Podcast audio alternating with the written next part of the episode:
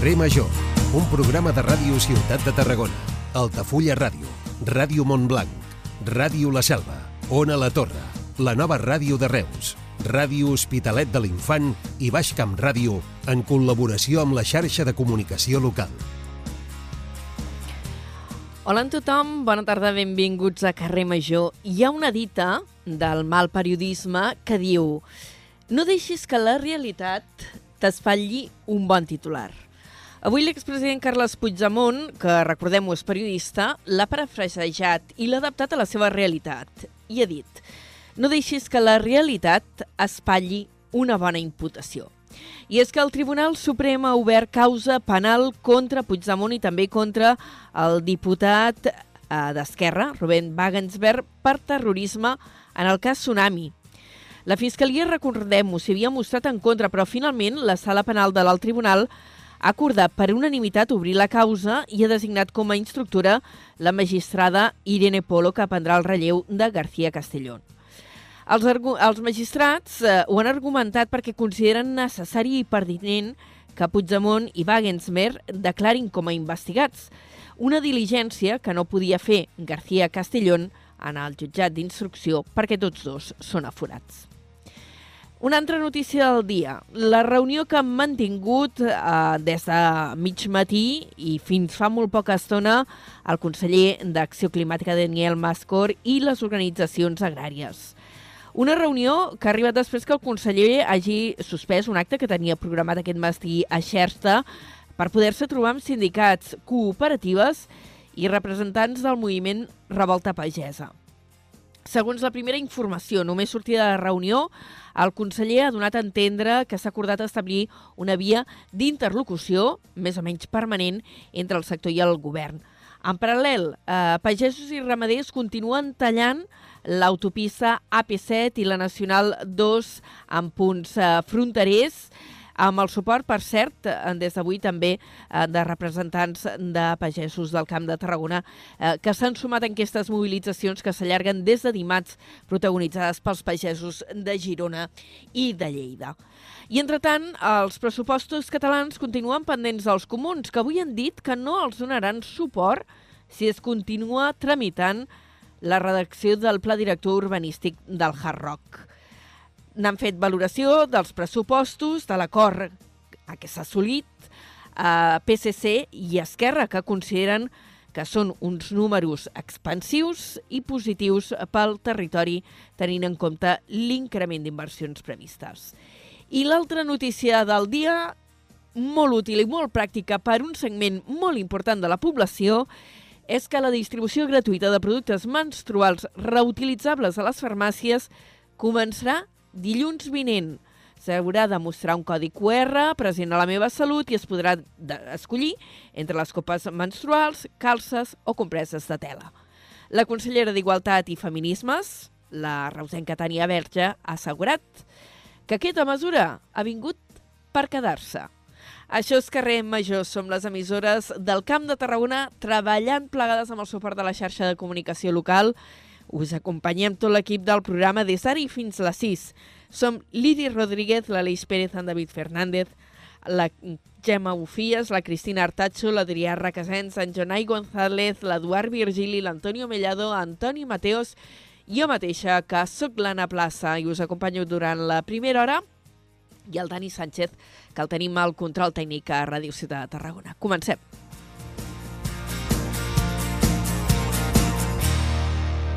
Carrer Major, Anna Plaza i Jonai González.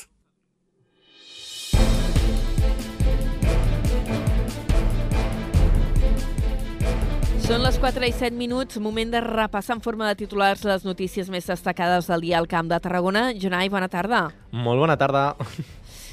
Amb en Jonai González repassem aquests titulars. Esquerra Republicana i el PSC han valorat avui, o han fet de manera positiva, el projecte de llei dels pressupostos de la Generalitat de Catalunya que suposen un increment del 12% de la inversió respecte a l'any passat al Camp de Tarragona. Els republicans asseguren que són uns pressupostos expansius, mentre que els socialistes han explicat que el seu suport és un acte de responsabilitat.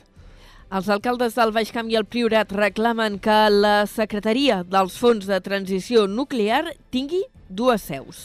Una seria per a les comarques de l'Ebre i l'altra per l'àrea del Camp de Tarragona i s'ubicaria aquesta segona a l'Hospitalet de l'Infant. I ho acaben de saber, l'Ajuntament de Montroig del Camp i l'OT Energy Materials acaben de desencallar la compra-venda dels terrenys de Comarellets, on està previst que s'hi ubiqui la futura planta de producció de l'Ecfoil. El següent pas és que sigui validat el pròxim ple ordinari previst pel dilluns 11 de març.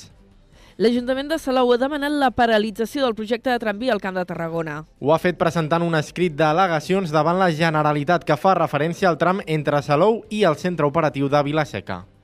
I a Tarragona ja han acabat les obres de restauració i conservació de les façanes del Pretori. Resten tan sols alguns retocs puntuals, però les bastides ja s'han desmuntat i les actuacions han arribat al seu punt final. L'Ajuntament d'Altafulla convertirà el carrer de Dalt en un espai per als vianants. Les obres començaran dilluns vinent i tindran una durada de 6 mesos. El sistema de recollida de la brossa porta a porta de Torre d'Embarra s'ampliarà a més barris. Serà quan es faci el nou contracte del servei, segons es determina l'estructura de, de costos per a la futura licitació que s'ha aprovat aquest mes de febrer per ple. La ganxeta de Reus, el primer servei públic de bicicleta compartida de la demarcació de Tarragona, valida més de 10.000 viatges durant el primer mes de funcionament. I durant els pròxims mesos s'ampliaran dues estacions més a Reus. Doncs moltes gràcies, Jonai. Són les, els titulars del dia d'aquí mitja hora més o menys. Eh, els ampliarem a l'informatiu al tram final d'aquesta primera hora. Fins ara. Fins ara, adeu.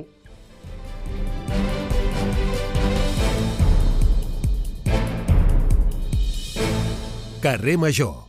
Toni Mateos.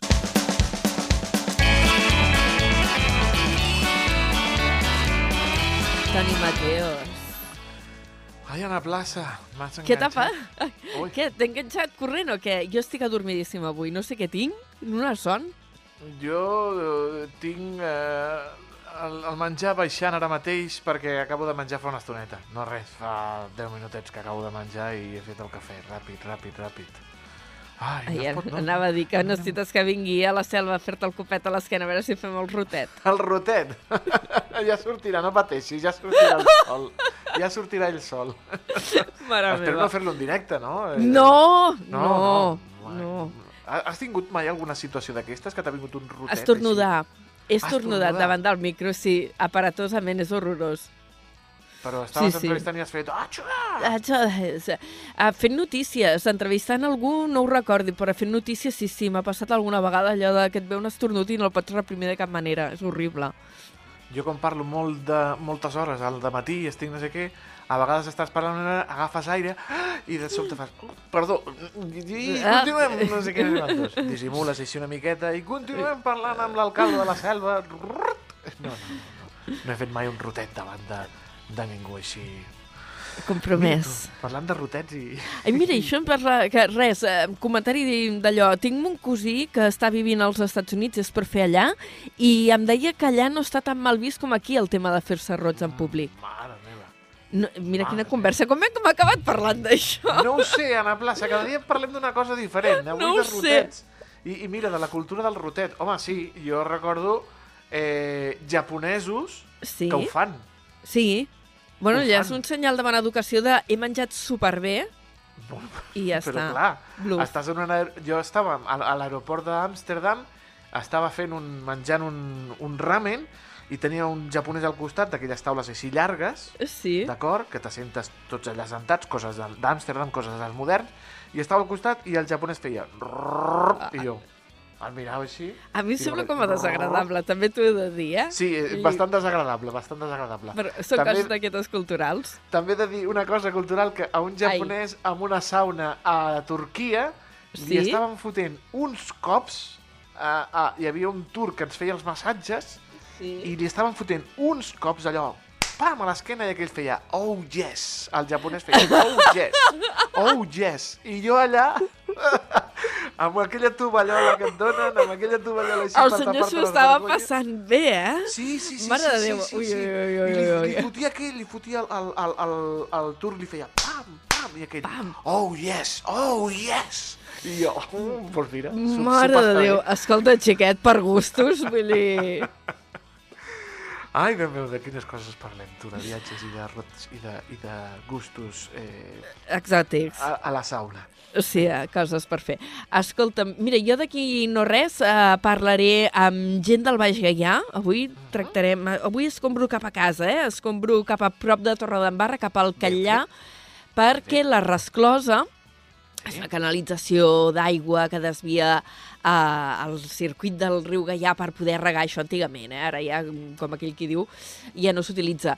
Eh, doncs fa 60 anys, i com que és un espai d'interès històric barra ambiental, perquè en els últims anys s'ha fet un treball de recuperació especial d'aquesta zona humida, doncs en parlarem ara, d'aquí no res. Doncs mira, nosaltres també parlarem d'un eh, aniversari, un terrible aniversari que és la- l'execució del, del Salvador Puigantic. Parlarem amb la seva germana, amb la Carme Puigantic, que aquests dies està eh, visitant la ciutat de Reus i aquest matí doncs, els companys de la nova ràdio de Reus l'han entrevistat doncs, per sentir el seu testimoni de l'assassinat del Garrot Vil eh, del seu germà, el Salvador. 50 Ah, la- anys. 50 anys, sí, sí. 1974. 50 Sí, sí, s'està fent la commemoració, de fet, aquesta setmana, i, i em sembla que ahir la, la germana era al centre de lectura, Uh -huh. eh, parlant-ne. En la secció de gèneres, avui toca gèneres, parlarem amb la Clàudia Ardolino, de l'Hora Violeta, doncs parlarem dels actes previs del 8M, que celebra divendres vinent, demà no, d'aquí a una setmaneta, el que significa aquesta data, i, i moltes coses que parlarem amb la Clàudia. ODS, avui parlarem amb Angie Muñoz, regidora de Benestar Animal, per parlar de la iniciativa Pet Friendly, Home. que han impulsat a Torre d'Embarra. Uh -huh. Nosa nosaltres som pet friendly a la- I- l'emissora. Tenim l'etiqueteta allò amb la poteta del gosset i som I pet Carrer friendly. Major és un programa pet friendly. Podeu També. escoltar-lo amb les vostres mascotes. I tant que sí. Amb el gat a la falda, ras, I i anant-lo raspallant. I la furgoneta, avui anirem a una altra presentació d'un llibre dels 30 anys de la mostra de Teatre Jove de Tarragona amb l'escriptor Enric Garcia. Jardí, que ja l'hem tingut Jardí, moltes vegades García aquí. Jardí. Sí, sí, perquè ell signa amb els dos cognoms, cosa que em sembla molt bé. Mira, jo aprofito per dir Anna Plaça Poblet, que no ho dic mai el segon cognom, i ma mare es mereix aquest petit És, I homenatge. tant, doncs Toni Mateos González, de Doncs fill de l'Àgueda. De. I tant. I a filla de la Carolina. Mira, filla, neta i besneta de Carolines. Què te pareix? nana? I et posa nana? Ai, I em posa nana perquè ma mare va considerar que Carolina era massa ja, llarg. Ja, ja n'hi havia prou de tanta Carolina a casa. No res, Toni Mateos, eh, tot això a partir de les 5 i jo ara vaig a parlar de la resclosa del Callà amb dues persones que en saben molt, un historiador local, en Josep Zaragoza i en Joan Díaz de l'Associació Mediambiental La Sínia. Fins ara. Fantàstic. Fins ara, Anna. Cada tarda de dilluns a divendres fem parada a Carrer Major.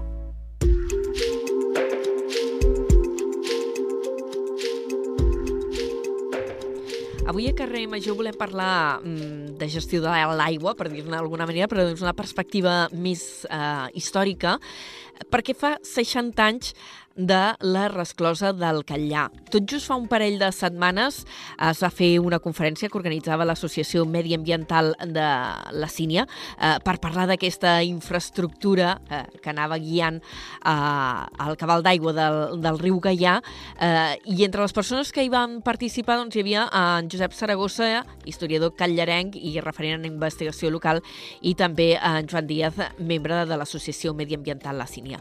Com que tenien ganes de parlar d'aquesta infraestructura, eh, ara avui en dia potser amb un regust més històric i ambiental que d'utilitat pràctica, els hem convidat en tots dos.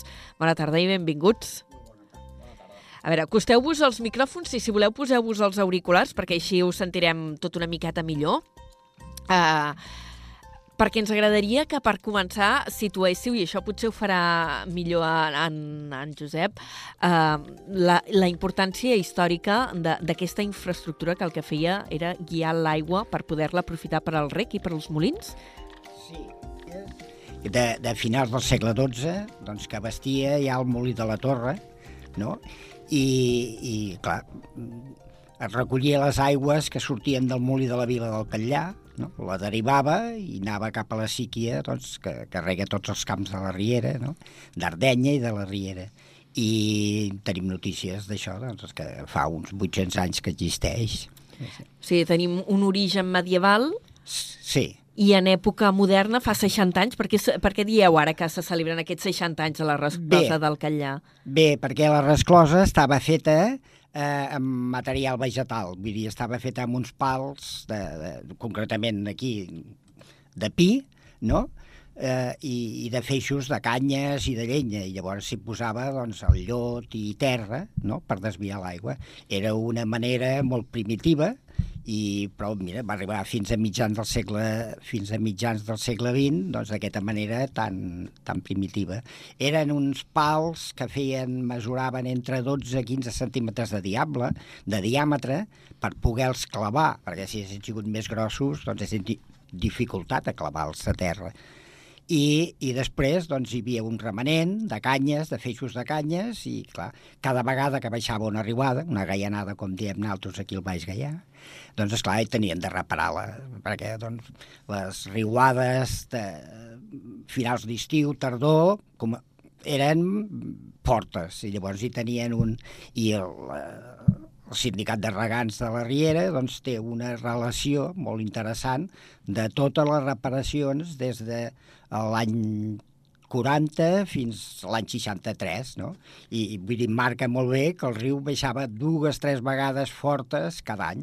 Vull dir que no era com ara, plovia, doncs plovia. Sí, perquè ara de gaianades, a veure, pel bo i pel dolent, eh? però fa temps que, que no n'hem que no n'hem tingut cap. Bueno, l'última que hi va haver va ser el d'Anna el, el 2019. Sí, sí, Va per això que ja fa- ja fa uns quants fa anys. Uns quants anys. Ara, aquest mes d'abril proper, farà eh, cinc, cinc anys, sí, farà cinc anys que no ha entrat aigua del Gaià a la, a la presa, doncs vull dir que el riu està molt, Està molt paradet. molt parat, sí, sí. És, és un espai, Joan, també, però d'interès ambiental i, de fet, amb, amb, que té, és molt conegut a la zona del Baix Gaià. Potser la gent que ens escolti de, des d'altres comarques o des d'altres zones no, no terà tan present aquest, aquest espai, eh, però sí que és un espai molt conegut a la zona del Baix Gaià i una mostra és que en aquesta conferència que vau fer vau tenir una assistència de 90 persones de pública per un acte organitzat així a nivell local, déu nhi Home, sí, sí, sí, la veritat és que de, de públic no ens podem queixar,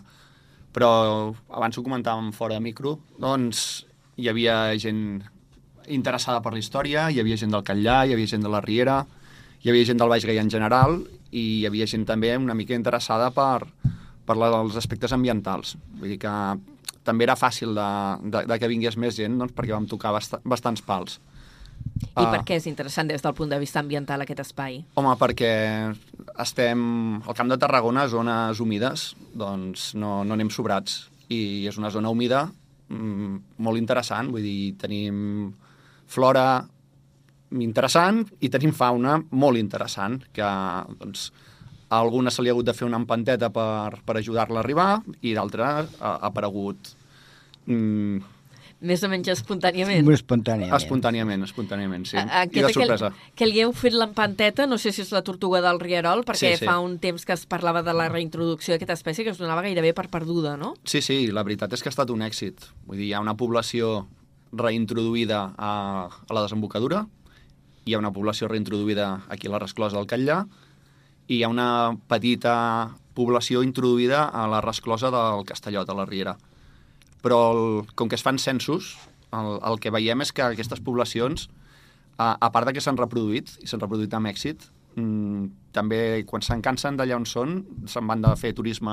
Ah, sí? A, sí, sí, sí. Ja fa, ja fa temps que, que sí, sí. És, En Joan Zaragoza va dient que sí amb el cap. Jo... el- Digui'm, digui'm. No, eh, les últimes tortugues que es van veure era el torrent de la Farga i era l'any 81. L'any 81 va ser l'última vegada que vam veure eh, una, tortu una tortuga... de rierol, De una- rierol, Mm. però amb estat tal com... Hi havia dos llocs, hi havia aquí, llavors el torrent de la Mora, allí on hi ha ara el camp de golf Costa Daurada, Sí. sí. doncs allí també era un lloc també que se'n trobaven molt.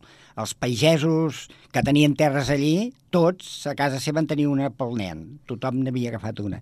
Clar, allò es va urbanitzar, es va omplir de gent i, esclar, les tortugues van desaparèixer perquè les van replegar totes. Eh, tinc entès que també hi havia afectat la, la introducció, l'aparició de- d'espècies exòtiques com les, les tortugues californianes, no? que, que Bueno, durant anys es van posar molt de moda de tenir a casa i que... Sí, sí, bueno, això és un problema. Mm, De fet, eh, la legislació ha mirat de fer el que ha pogut, però doncs, primer eren d'orelles vermelles, després d'orelles grogues, després d'orelles taronges, i em sembla que tenim tot el, tot, Tot el, el pantone. ventall. Sí, sí.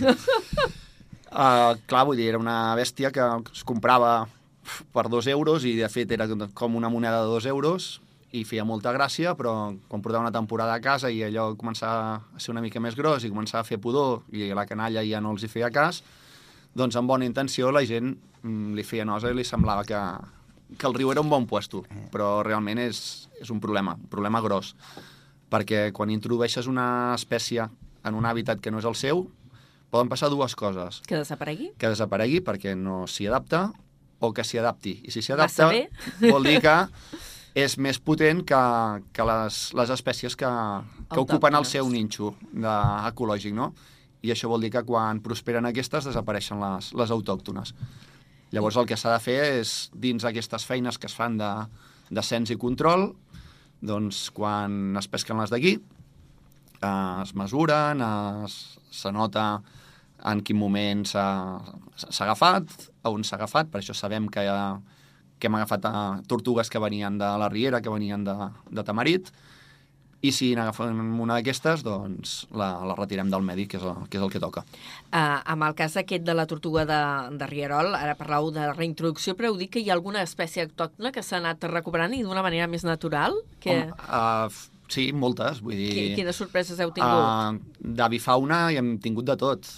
O sigui, des de ànecs collverds que hi anireu i els veureu sempre, perquè doncs, s'han fet casa seva, però hem vist bernats pescaires, hem vist agrons blancs, que ja és una bèstia que fa pràcticament un metre vint d'alçada, vull dir, és un... Sí, sí. I, clar, que aquests, aquests venen sols. I, i peixos, doncs, mm, la sorpresa va ser que amb algunes de les maniobres que, hem, que, que hem fet allà de, de control i, i de buidatge, perquè de tant en tant mm, ens ha convingut, doncs les anguiles. Van aparèixer les anguiles i això sí que va ser una sorpresa majúscula. Perquè les anguiles vol dir que han entrat del mar i han pujat amunt. Han pujat perquè del pantano no, segur que no han baixat. Clar, perquè aquí tenim, hem de situar-ho geogràficament, molt a prop tenim el pantà del Catllà, eh, que correspon al gestionar Rapsol, i, i, el, i que retí l'aigua del Gaià, que normalment no arriba a mar. Ha baixat en els últims anys en comptades ocasions quan s'ha alliberat des- un cabal ecològic, oi? Tenim cabal ecològic ara farà uns anys i, i bas, bastant regularment ha baixat. Uh, clar, estem gestionant misèria. Vull dir, no... El Pep deia que per Vilavella, que és la cua de l'embassament i on hi ha l'aforador, no hi entra aigua des de fa anys. Sí, sí, farà cinc anys. Uh, Això vol dir que riu amunt el Gaià tampoc no, molt bé... No, eh, uh, no és és- ben bé així, perquè el Gaià, doncs, hi ha zones en què circula l'aigua i hi ha zones que es perd i s'escola, però després apareix més avall. De fet, hi ha una surgència important a dins de l'embassament. A l'altura de Coves Roges Coves Roges. reapareix, i encara ara, vull dir, Sí, amb, sí. amb la secada que hi ha, segueix brotant aigua que, que alimenta poc o molt la- l'embassament, però doncs hem tingut bastanta regularitat d'aigua i, i això doncs, també ha ajudat. De fet, va ser el desencadenant.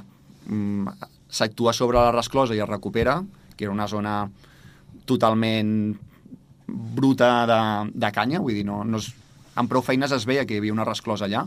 La part de formigó no hi creixia la canya, però, però al darrere mm, és que no hi havia riu. I al veure arribar aigua, eh, ja no del cabal ambiental, sinó de que, que té la, la pròpia embassament i alguna pèrdua de canonades de, dels regants, llavors vam dir, ostres, tu, si tenim aigua aquí, seria interessant de recuperar-ho. I, I ha estat un èxit.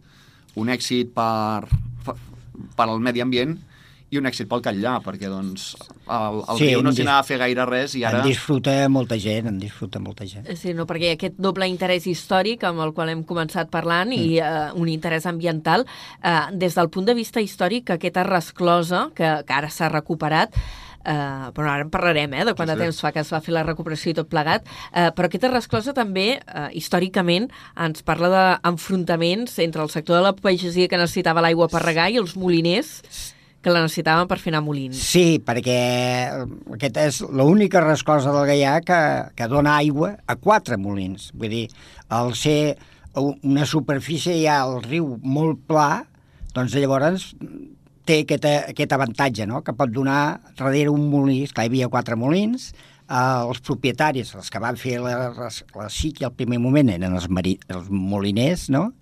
i a final, quan, bueno, això, clar, és eh, mitjans del segle XIX, quan, diguéssim, la noblesa desapareix i llavors, doncs, esclar, els, els pagesos tenen una mica més de força i hi havia aquest, aquest enfrontament, no? Hi ha un, l'any que, que és en 1833, hi ha un judici, no? I es dona la, la, la raó als pagesos, però amb, una, amb la condició que a la nit, de posta de sol a sortida de sol és dels molins i el de dia és dels pagesos, no? Això sí que és aprofitament màxim del recurs, 24 sí, hores, eh? Sí, hi havia, clar, hi havia les d'allò, mm, a l'estiu, per exemple, doncs, esclar, a l'estiu l'aigua, el riu baixa el que baixa, i hi havia problemes, i esclar, hi havia gent que agafava, i a les 9 de la nit, que no hi havia sol, però hi havia llum de dia, doncs aixecava el vagant i tirava l'aigua cap al rec, llavors hi havia aquests conflictes, hi havia, realment hi havia conflictes, sí, sí. Uh -huh. uh, una resclosa que es va fer mm, tal com és, uh, com la podríem conèixer avui en dia, uh, ara fa 60 anys, uh, però que va arribar a un punt que per pèrdua d'activitat agrícola i tal va anar caient en desús i en quin moment es planteja la, la seva recuperació? Aviam, la resclosa deixa de, de ser útil el, sobre l'any 1980, en què quan es fa l'embassament, que entra en funcionament al 76, L'embassament del Catllà, Del Catllà, que sí. abans hem comentat que també dona servei a Repsol i que em sembla que és qui el gestiona. Sí, sí, però els, els regants tenen una, Una una concessió, concessió. Que és prioritària sobre l'ús industrial de, de Repsol. Llavors, els regants del Catllà van demanar, en el moment de, de negociar-ho tot, que ells volien entubar-ho tot. I, I, de fet, doncs, quan es fa l'embassament, eh, la sèquia del Catllà desapareix perquè s'hi passa un tub i aquest tub doncs, té una aixeta a cada hort i els regants del Catllà van a regar l'hora que els hi sembla. Van, obren l'aixeta i surt aigua. Els regants de la Riera van demanar en el seu moment de que ells volien la seva, la seva sèquia. Llavors, l'embassament deixava anar aigua que arribava aquí a la resclosa i es derivava a la sèquia.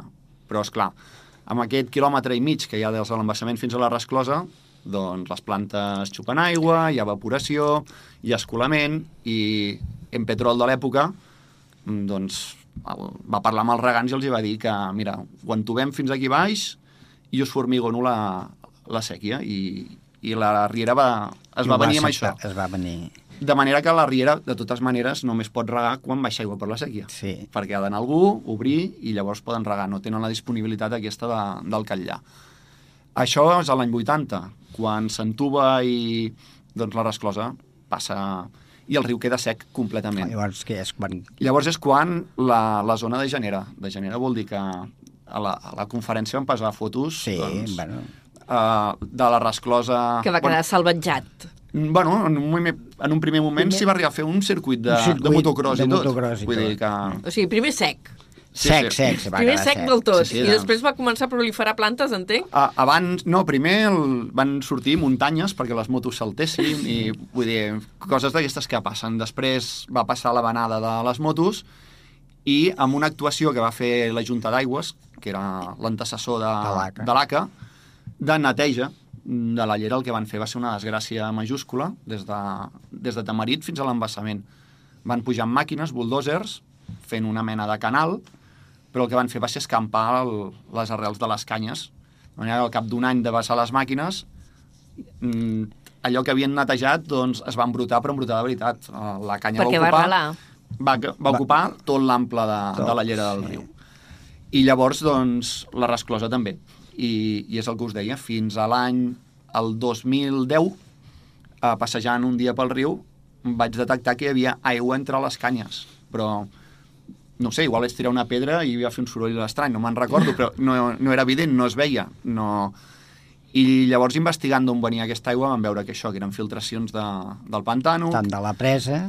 i, i pèrdues de, dels regants. Llavors va ser quan, des de la sínia, ens vam proposar L'Associació fer... Mediambiental La Sínia. proposar, doncs vam parlar amb l'Ajuntament, vam parlar amb partners, amb la Caixa, buscar finançament i, i es va fer una primera actuació doncs, de, de neteja, que realment el que va ser va ser un dragat de- d'una d'una resclosa que, que ni es veia, vull dir, era una cosa... Però se n'havia perdut la memòria, Josep? de No, no, la resclosa es veia, es veia i podies anar, perquè, és clar tota la part que està formigonada, doncs, és clar no havia sortit brossa. I, i la veies, i clar, que ho sabien, però eh, quedava tot molt brut, no? i la gent no era un lloc per passejar pel riu, doncs, diguéssim, no? Mm. Perquè tan sols, doncs, bueno, hi havia un camí que passaven els cotxes que els que anaven als horts que hi ha més amunt de, de, de, de, de la resclosa, doncs feien servir de la llera del riu com a camí, doncs, digueu, cosa que no és un camí al riu, però ells feien servir, i és clar, doncs hi havia un camí, diguéssim, que passava un vehicle,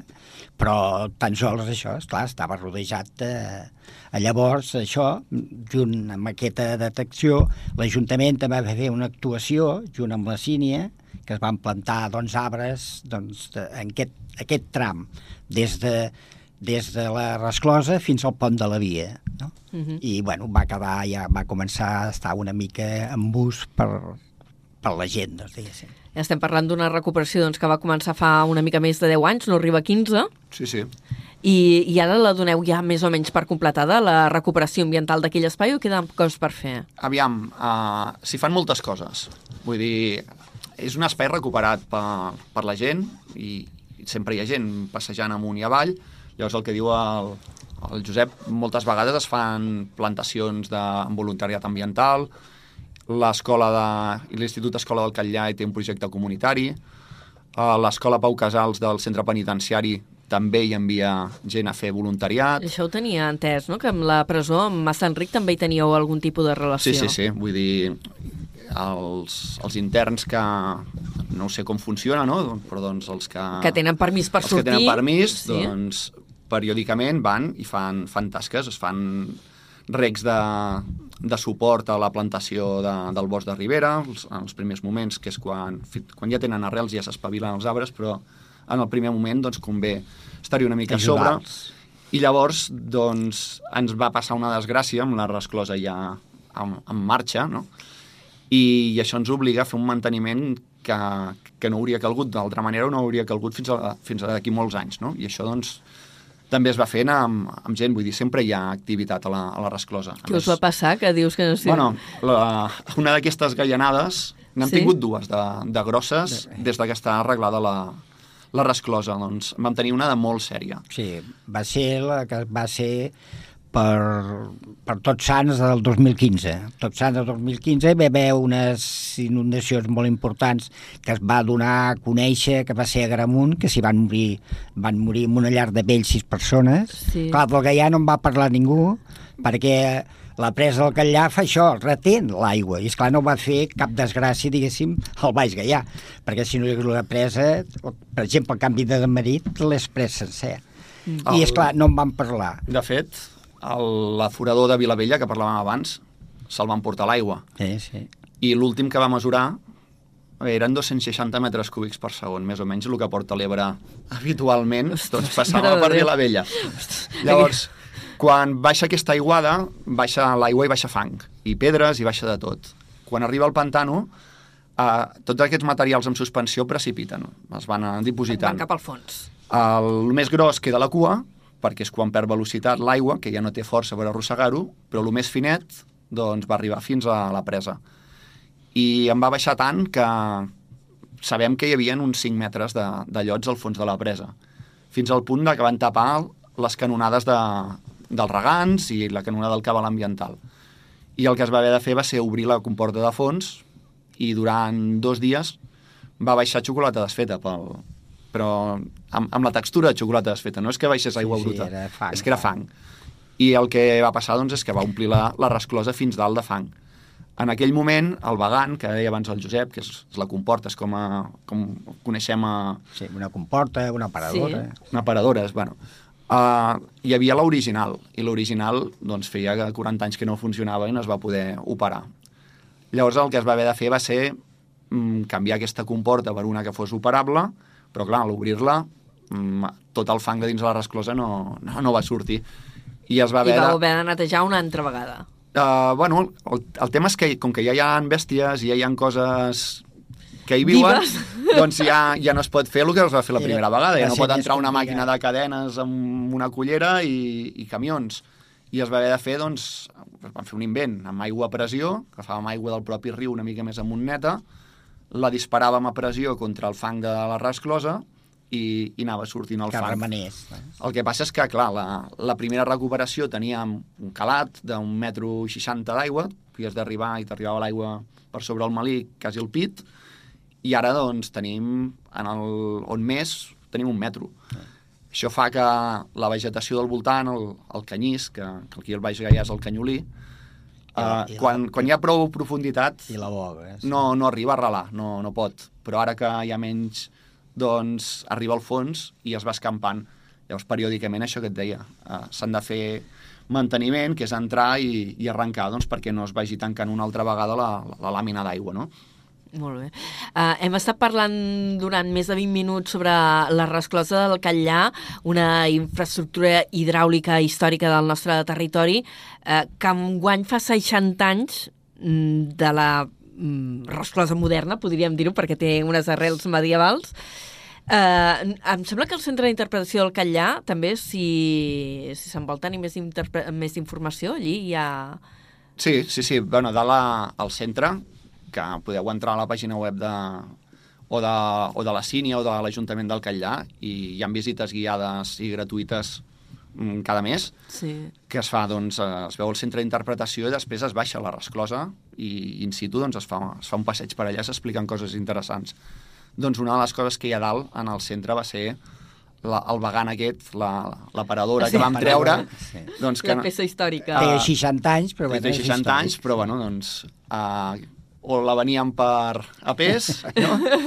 o ens va semblar que, doncs, que com que dalt una part de l'exposició fa referència al riu des de Santa Coloma fins a Mar, però hi ha una part que fa referència a, a tot aquest àmbit, a, a l'aprofitament fabril de, de tota... Industrial. De, de... industrial. Doncs això no deixa de ser un element poc o molt industrial i, i està dalt també a l'exposició.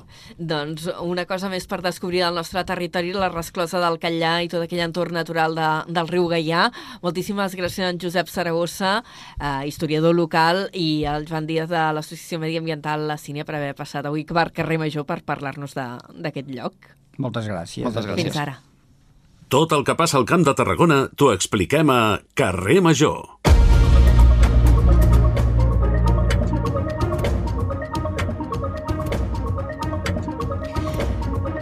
Són les 4 i 40 minuts i després d'aquesta conversa sobre la resclosa del Catllà és el moment d'endinsar-nos en l'actualitat del Camp de Tarragona. Ho fem saludant de nou en Jonai González. Jonai, bona tarda. Molt bona tarda de nou.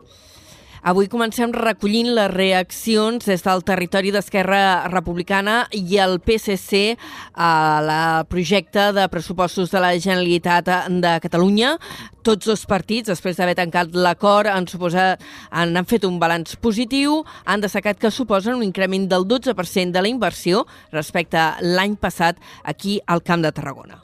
D'una banda, la diputada al Parlament i portaveu d'Esquerra Republicana, Raquel Sanz, ha expressat que es tracta d'uns pressupostos expansius i pensats per a la ciutadania. En aquesta línia, la diputada ha volgut destacar la importància dels serveis públics en aquests pressupostos. Jo voldria parlar també dels serveis públics que reforcen amb aquests pressupostos, que és eh, el creixement de recursos tant en matèria d'educació com en matèria de salut, com també de, de drets socials, perquè això, malgrat no, que aquí no trobarem la partida a Camp de Tarragona, té un impacte en el dia a dia de la gent, té un impacte en les seves vides, i això és el que també inclouen aquests pressupostos. Pel que fa als socialistes, el primer secretari del PSC al Camp de Tarragona, Kenneth Martínez, ha explicat que el suport als pressupostos és un acte de responsabilitat i considera que tornar a invertir al sud és una molt bona notícia.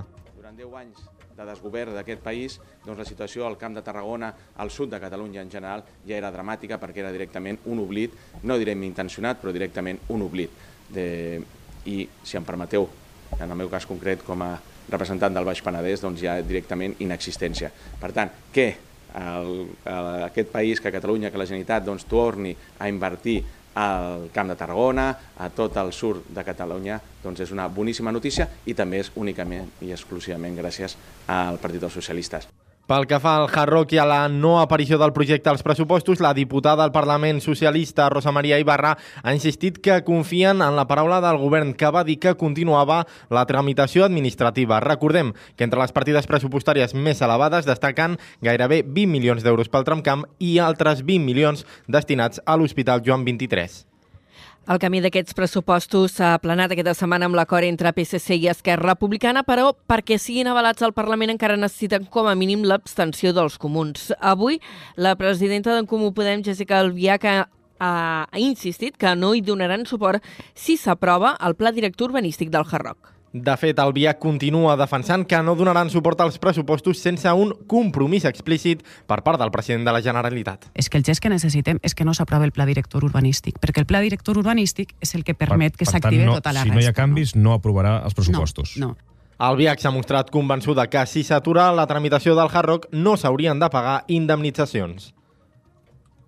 I el Hard Rock jo no sé si s'acabarà fent o no. Però Uh, sobre sí que sí aquest uh, tema, uh, el Biac responia a paraules del, del matí del president de la Generalitat, en Pere Aragonès, que escoltarem, que assenyalava que no sap si el Hard Rock s'acabarà fent perquè explica que depèn no només dels inversions del govern, no d'una decisió del govern, sinó de la intenció final dels inversors privats. El president ha admès que no és un model que li provoqui entusiasme, però ha afegit que la decisió política es va prendre el 2014 amb el suport de CiU, PSC i el Partit Popular, una majoria que, segons s'ha remarcat, encara es manté. El que sí ha assegurat és que aquest 2024 no hi haurà ni una sola pedra del macroprojecte perquè encara s'han de resoldre moltes qüestions perquè puguin tirar endavant. El Hard Rock jo no sé si s'acabarà fent o no. Però el que sí que sé que s'està fent és la reindustrialització del Camp de Tarragona. Però, president, vostè m'ha dit, depèn dels privats, però el govern pot aprovar definitivament o no el pla director. Això sí que depèn de vostè. Uh, això depèn uh, d'un procediment que està taxat per llei. Vull recordar que tenim una sentència del Tribunal Superior de Justícia de Catalunya que ens deia que l'anterior pla director s'havia de modificar i, per tant, nosaltres hem de complir les sentències judicials, estem uh, obligats. I contradient el BIAC, el president també ha assenyalat que podria haver repercussions importants si ara mateix es fes marxa enrere al projecte del Hard Rock. Si ara tu decideixes uh, políticament, escolti'm, imaginem-nos que tenim les majories al Parlament per fer-ho, es decidís tirar enrere aquest projecte, doncs uh, ens hauríem d'afrontar a unes reclamacions. Després veuríem si tenen raó o no, però a unes reclamacions segur. Fem una anàlisi de riscos i, i evidentment, doncs, eh, estaríem parlant de repercussions importants Aragonès també ha remarcat que les converses amb els comuns per aprovar els pressupostos es troben més avançades que amb la resta de grups, però ha recordat que també hi ha converses obertes amb Junts i la CUP.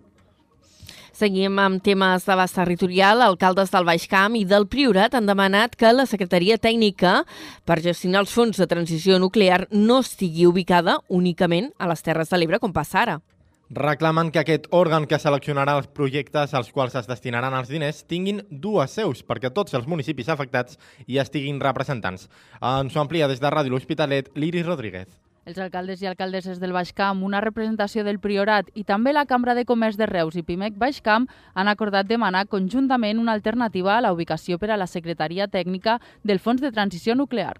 Així, convocats per l'alcaldessa de Vandellós i l'Hospitalet de l'Infant Assumpció Castellví, aquest dimecres 28 de febrer a la Casa de la Vila, els participants a la reunió van consensuar proposar dues seus que acullin aquesta secretaria tècnica. Assumpció Castellví és l'alcaldessa de Vandellós i l'Hospitalet de l'Infant. Eh, quedi molt clar que el que nosaltres no volem cap confrontament territorial, al contrari, que poden ser alternatives, és a dir, i que hi hagi un ens que doncs, vetlli perquè el reglament a les dues seus que nosaltres proposem de secretaria tècnica eh, se segueixi el reglament de la mateixa manera, no hi hagi descompensacions. L'alcaldessa de Vandellós i l'Hospitalet de l'Infant i vicepresidenta de l'òrgan de govern del Fons de Transició Nuclear, Assumpció Castellví, ofereix l'oficina de l'empresa municipal de promoció IDETSA perquè pugui acollir la seu de la Secretaria Tècnica situada al Baix Camp i portarà aquesta proposta a la pròxima reunió de l'òrgan de govern del Fons de Transició Nuclear previst per al 9 d'abril. I ben a prop eh, de l'Hospitalet, eh, l'Ajuntament de Montroig del Camp i l'empresa Lotte Energy Materials han desencallat la compra-venda dels terrenys dels Comallarets, on està previst que s'hi ubiqui la futura planta de producció d'Electfoil. El contracte s'ha signat aquest dimarts després de setmanes d'anàlisi profunda de la normativa estatal i catalana per part de l'administració local. En un inici, l'acord es va ajornar a principis d'any després que els serveis jurídics de l'empresa demanessin revisar el redactat. El següent pas és que sigui validat el pròxim ple ordinari previst pel dilluns 11 de març. L'Ajuntament de Salou ha demanat que es paralitzi el projecte de tramvia del Camp de Tarragona. Ho ha fet eh, presentant un escrit d'al·legacions davant de la Generalitat que fa referència al tram entre Salou i el Centre Operatiu de Vilaseca. El consistori salouenc sosté que abans d'aquest document el govern hauria d'haver redactat un altre en base a la llei ferroviària. El ple de Salou ratifica aquest dimecres un decret d'alcaldia amb les al·legacions dirigides a la Direcció General d'Infraestructures de Mobilitat en què es destaca l'impacte que tindria la instal·lació del tramvia a la trama urbana de Salou. L'alcalde de la ciutat, Pere Granados, ha afirmat que desconeix quina alteració tindrien els terminis tornar a iniciar els tràmits, però ha defensat que cal que el projecte s'ajusti a dret. No sé, perquè jo en qüestions, diguem-ne, tècniques, procedimental, no hi entro, jo espero que hagin fet les coses ben fetes i que aquesta nulitat del projecte, doncs al final, eh, a veure què és el que diuen, no? però si també han fet un projecte que veritablement no està ajustat a la llei, comencem malament, perquè qualsevol accident o qualsevol cosa que pugui passar una vegada instal·lat sense tenir en compte la legalitat, mmm, anem força malament i nosaltres tenim l'obligació, no nosaltres, tothom té l'obligació d'advertir de que si hi ha una qüestió que no és legal, que compleixin amb la legalitat. A banda, l'Ajuntament reclama al govern que compleixi amb el seu compromís d'urbanitzar l'antic traçat ferroviari per valor de 9 milions i mig d'euros. Els Mossos d'Esquadra han detingut un home a l'Alforja buscat per delictes continuats contra la llibertat sexual a menors. L'arrestat de 51 anys tenia una ordre de detenció judicial d'àmbit estatal que s'havia fet extensiva a nivell europeu. El detingut vivia amagat i aïllat en una masia als afores de la població. Per no ser localitzat, l'individu residia en unes instal·lacions amb un alt grau d'autosuficiència en plaques solars i altres instal·lacions d'autoabastiment que li permetien viure amb el mínim contacte a l'exterior. L'ordre de detenció estava en vigor des del 2020, quan es va celebrar el judici per uns delictes d'abusos sexuals comesos a menors de forma continuada el 2015 al Vendrell. El detingut passarà a disposició judicial en les pròximes hores. L'abat de Poblet, Octavi Vila, ha estat nomenat nou bisbe de Girona. La ciutat de Girona porta sense ningú al càrrec gairebé dos anys des de la mort del llavors bisbe Francesc Pardo. Ens ho amplia des de l'Espluga FM Ràdio, la Laia Molner qui ha estat durant 9 anys abat de Poblet, Octavi Vilà, es convertirà ara en bisbe de Girona, un càrrec que va proposar formalment el papa Francesc el mes d'octubre de l'any passat. Es tracta d'un nomenament poc habitual, ja que és la quarta vegada en la història que un abat de Poblet es converteix en bisbe a Espanya, el que no passava des de fa més de 200 anys. Escoltem el bisbe electe de Girona, Octavi Vilà, que es mostra emocionat amb aquesta nova etapa. Vaig a Girona, cridat pel Sant Pare, sobretot amb voluntat de servir a l'Església gironina. Octavi Vilà deixa el càrrec després de 9 anys, des del 2015, i ara comença un procés intern per part de la comunitat monàstica de Poblet per trobar nou abat. La successió la decidiran els membres de la comunitat en un període màxim de 3 mesos. 4 i 51 minuts. En crònica local, l'Ajuntament de Tarragona denuncia la successió de robatoris de cablejat elèctric ha patit la ciutat durant els darrers dos mesos. Per arreglar-ho, el consistori ha gastat ja 15.000 euros. Des del consistori asseguren que totes les zones afectades pels robatoris ja han restablert el seu servei. La Guàrdia Urbana està treballant en la investigació d'aquests delictes que s'acostumen a cometre de nit i en zones allunyades d'habitatges i que ja sumen un total de més de 800 metres de cablejat sostret durant només els mesos de gener gener i febrer. En paral·lel, es treballa també per prevenir episodis com aquests amb dos dispositius específics en marxa a Ponent i a Sant Salvador. I seguim a Tarragona, on han acabat ja les obres de restauració i conservació de les façanes de l'aparatori. Resten només alguns retocs eh, puntuals, eh, però les vestides ja s'han desmuntat. Ens ho amplia l'Adrià Tella des de Ràdio Ciutat de Tarragona.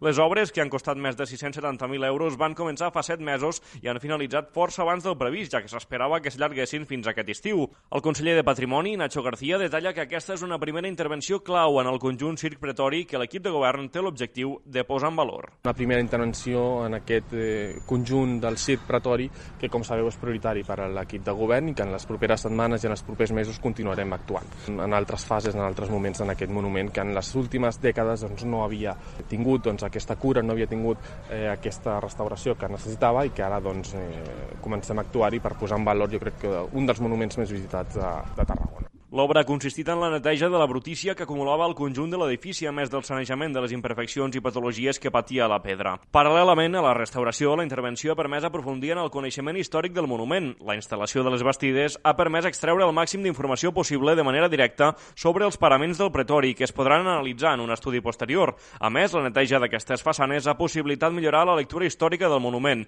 definir millor les fases evolutives i constructives, així com deixar a la vista un tram d'arcada camuflada anteriorment, que apunta a ser d'època medieval i que serviria per connectar amb una torre adjunta que va desaparèixer durant la Guerra del Francès. Anem ara cap a Altafulla, on el carrer de Dalt es convertirà en un espai per als vianants. Les obres començaran dilluns vinent i tindran una durada de 6 mesos. Ens n'amplia la informació des d'Altafulla, Ràdio l'Eduard Virgili. Les obres de remodelació del carrer de Dalt d'Altafulla són a punt de començar. Les intervencions arrencaran dilluns vinent i convertiran l'espai urbà en una zona per a vianants, tot permetent només l'accés de vehicles comercials i del veïnat amb la potenciació de zones de càrrega i descàrrega. La qual alcaldessa Alba Muntades ha explicat que els treballs serviran per definir un nou carrer més amable. Adequar-lo amb la mateixa estètica que hi ha al carrer de baix i anem desplegant el pla director d'aquest casc antic per, per tal de també d'anar-lo fent més, més amable per als vianants, que sigui el, els vianants al centre d'aquest espai per poder gaudir de les passejades per, pel casc antic i, i Vilaclosa. Les obres es calcula que duraran uns sis mesos i tenen un pressupost d'execució de gairebé 840.000 euros. La meitat els aporta el Pla d'Acció Municipal de la Diputació de Tarragona. I anem ara a la Selva del Camp perquè obre al públic el nou aparcament dissuasiu de Sant Agustí. El projecte ha vist rehabilitar completament l'antic jardí del convent salvatà per tal de sumar una cinquantena de noves places d'estacionament públic. En té tots els detalls des de Ràdio La Selva, l'Antoni Mellado. Les obres de construcció van arrencar a principis de novembre de 2023 amb la neteja de la vegetació del jardí, la tala de les branques més voluminoses dels pins i el transplantament dels arbres fruiters de la zona. Seguidament es va anivellar el terreny, es va col·locar una capa de fresat asfàltic i es van realitzar les connexions elèctriques pertinents que contemplaven, entre altres, la instal·lació de diversos fanals amb tecnologia LED.